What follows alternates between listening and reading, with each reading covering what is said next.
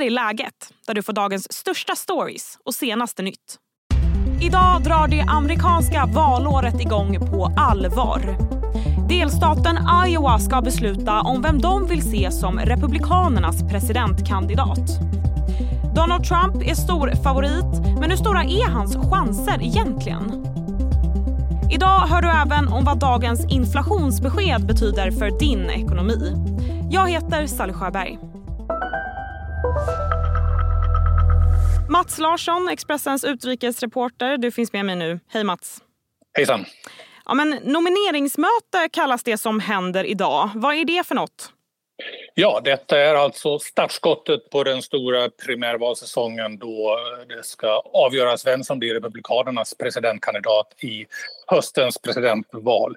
Och i några få delstater, Iowa är en av dem, så har de istället för primärval där du alltså går till en vallokal helt normalt och kan rösta sig mellan åtta på morgonen till sex på kvällen så har man det som kallas nomineringsmöten. Och då eh, måste man istället dyka upp på kvällen. Det börjar klockan sju lokal tid på kvällen i Iowa.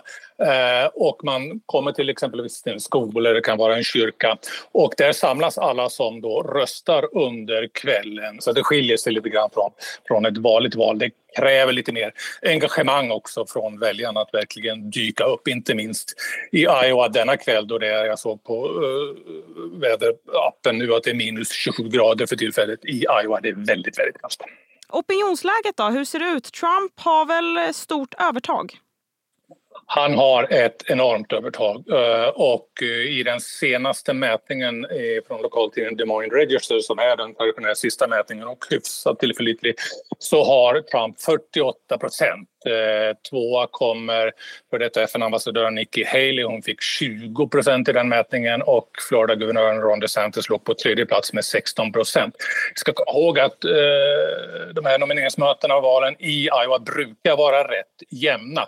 Eh, Trump har hårt gått ut med att han planerar sätta ett nytt rekord. Den bredaste segermarginalen har varit 12 procentenheter och mycket tyder alltså på att Trump med råge kommer att överträffa den eh, marginalen och vinna i så fall den största segern någonsin i ett republikanskt nomineringsmöte i, i Iowa. Så 48 procent för Trump just nu. Hur, vad betyder det då för hans möjlighet att bli Republikanernas kandidat? Ja, de är ju väldigt stora. Han har rejäla övertag i de nationella mätningarna och vinner han en väldigt övertygande seger i Iowa eh, så visar det ju vilken klar favorit han är och, och även när rösterna så att säga börjar avläggas Eh, därmed inte sagt att det blir avgjort bara för att han vinner Iowa, så är det förstås inte. Eh, men det handlar mycket om dynamik och hur stor seger han vinner och sen går vi vidare till nästa delstat bara en dryg vecka senare, New Hampshire.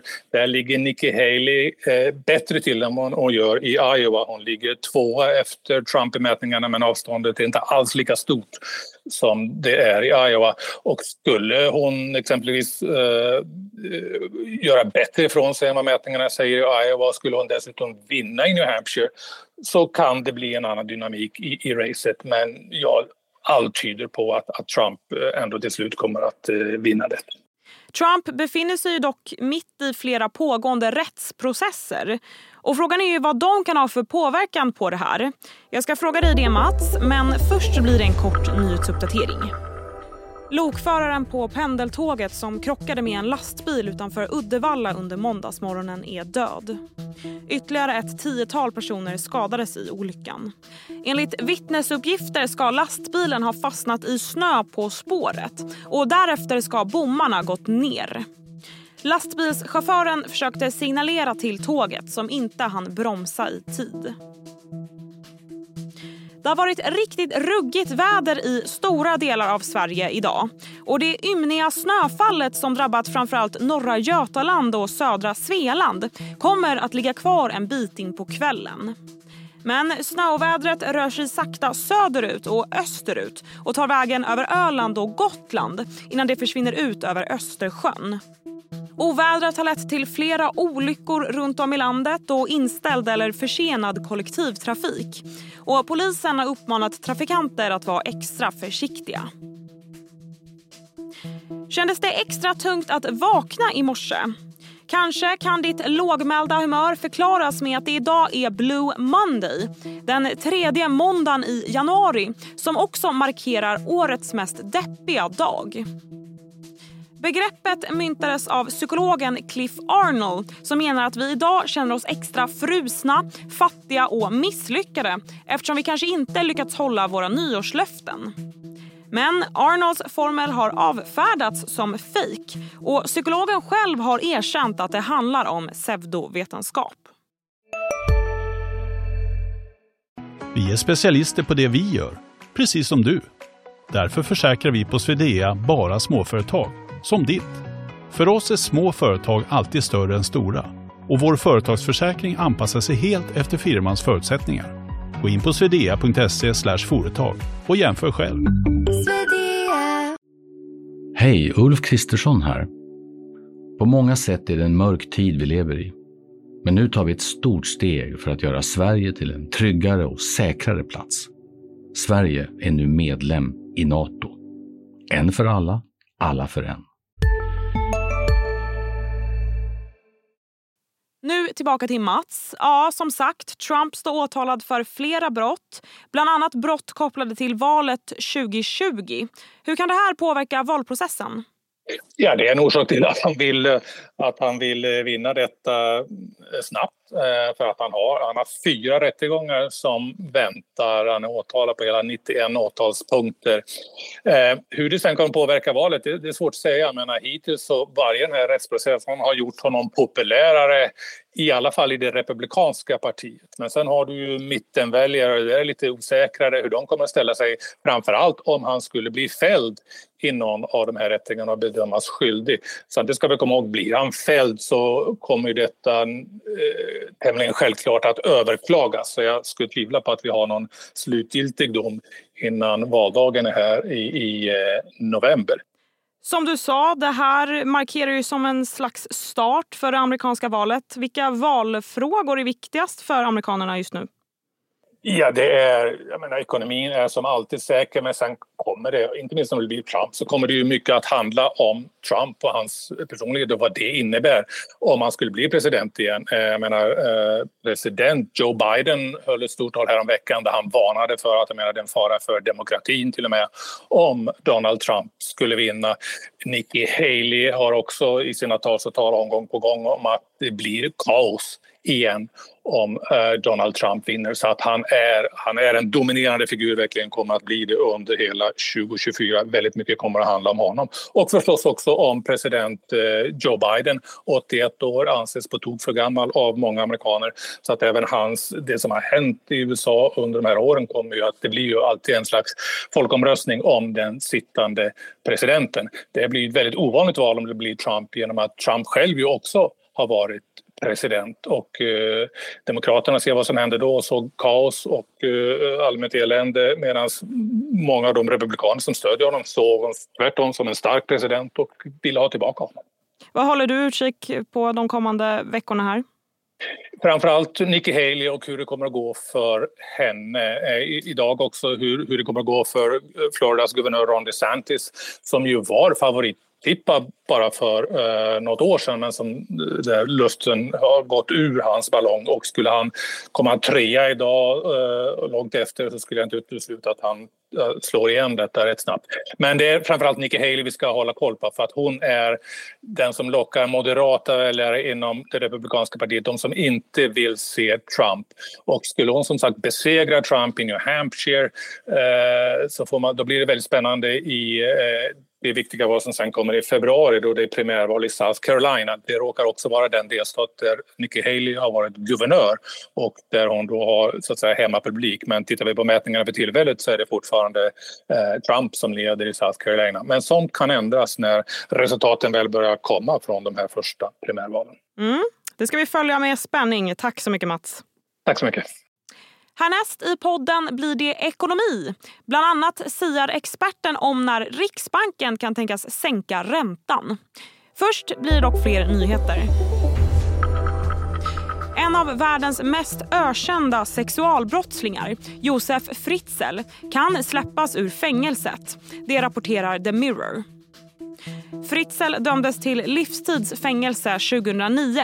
Det efter att ha hållit sin dotter Elisabeth inlåst som sexslav i källaren i 24 år i Österrike. Men nu anses den 88-åriga Fritzl inte längre vara en fara för samhället. Och Därför kan han komma att släppas i förtid.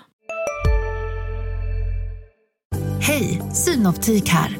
Hos oss får du hjälp med att ta hand om din ögonhälsa. Med vår synundersökning kan vi upptäcka både synförändringar och tecken på vanliga ögonsjukdomar. Boka tid på synoptik.se. Inflationen sjunker. SCBs siffror visar att inflationen landade på 4,4 procent i december. En sänkning med 1,4 procentenheter jämfört med november. Maria Landeborn, senior strateg på Danske Bank, du finns med mig nu. Hej Maria! Hallå Sally! Ja, men min spontana tanke är att eh, det här beskedet är väl superbra men jag har sett de som vill att man ska vara lite mer försiktigt positiv kanske. Vad säger du? Ja, men jag tycker att det finns anledning att ändå se det här som någonting bra. Inflationen fortsätter neråt, den är nere på den lägsta nivån sedan sommaren 2021 och det är bra. Sen anledningen till att många också pratar om att man inte bara ska ropa faran över och bara se det här som positivt, det är ju också att om man tittar på det som väntas hända nu eh, nästa månad, alltså, eller januari, februari, så är det att inflationen väntas komma upp lite grann igen. Så att just nu ligger vi nära Riksbankens mål med den inflationssiffra som vi fick idag. Den väntas komma upp lite grann på grund av eh, elpriserna framför allt. Um, och det är också så att vi i grund och botten fortfarande ser att ganska många priser fortfarande stiger. Och du säger att vi kan vänta oss prisuppgångar men samtidigt ser vi att inflationen sjunker. Hur ska man förstå det där? Ja, när vi pratar om, om fallande inflation så, beror det, så är det att vi tittar på hur mycket av priserna ökat den här månaden jämfört med samma, månader, eh, samma månad förra året. Och då kan man se att den, den ökningstakten den har blivit lägre under hösten. Så att priserna ökar inte längre i samma tempo som tidigare. Men är det det vi väntar på då, att priserna ska gå ner?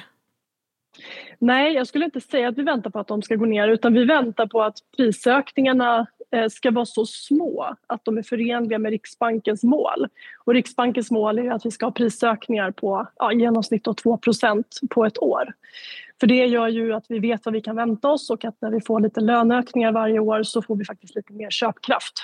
Men det positiva då när vi, när vi nu förhoppningsvis närmar oss en punkt här någon gång kanske kring halvårsskiftet där, där inflationen ligger i Riksbankens mål, det är att Riksbanken eh, kan börja sänka räntan. Och det kommer ju att göra skillnad, eh, men inte riktigt än. Nej, men i sommar låter det som att vi kanske på riktigt kan prata om ett bra läge, eller? Ja, men det skulle jag säga. Och jag tror ju att om man tittar ut lite utanför Sverige så är det ju också så att prisuppgångarna har kommit ner. Inflationen faller ganska fort ner mot centralbankernas mål. Och eh, andra centralbanker, man tittar i USA och Europa, väntas sänka tidigare Riksbanken. Så att kanske redan eh, i mars-april. Så att jag skulle ändå säga att 2023 var väl kanske det tuffa året eh, med kraftigt stigande räntor och kostnader och oro för en lågkonjunktur. Och jag tror att 2024 kommer bli ett år som gradvis kommer bli lite bättre. Vad härligt! Tack snälla Maria. Tack så mycket. Och det var allt för idag. Läget kommer ju ut varje vardag så se till att du följer podden så missar du inga avsnitt. Tack för att du har lyssnat. Du har lyssnat på en podd från Expressen. Ansvarig utgivare är Klas Granström.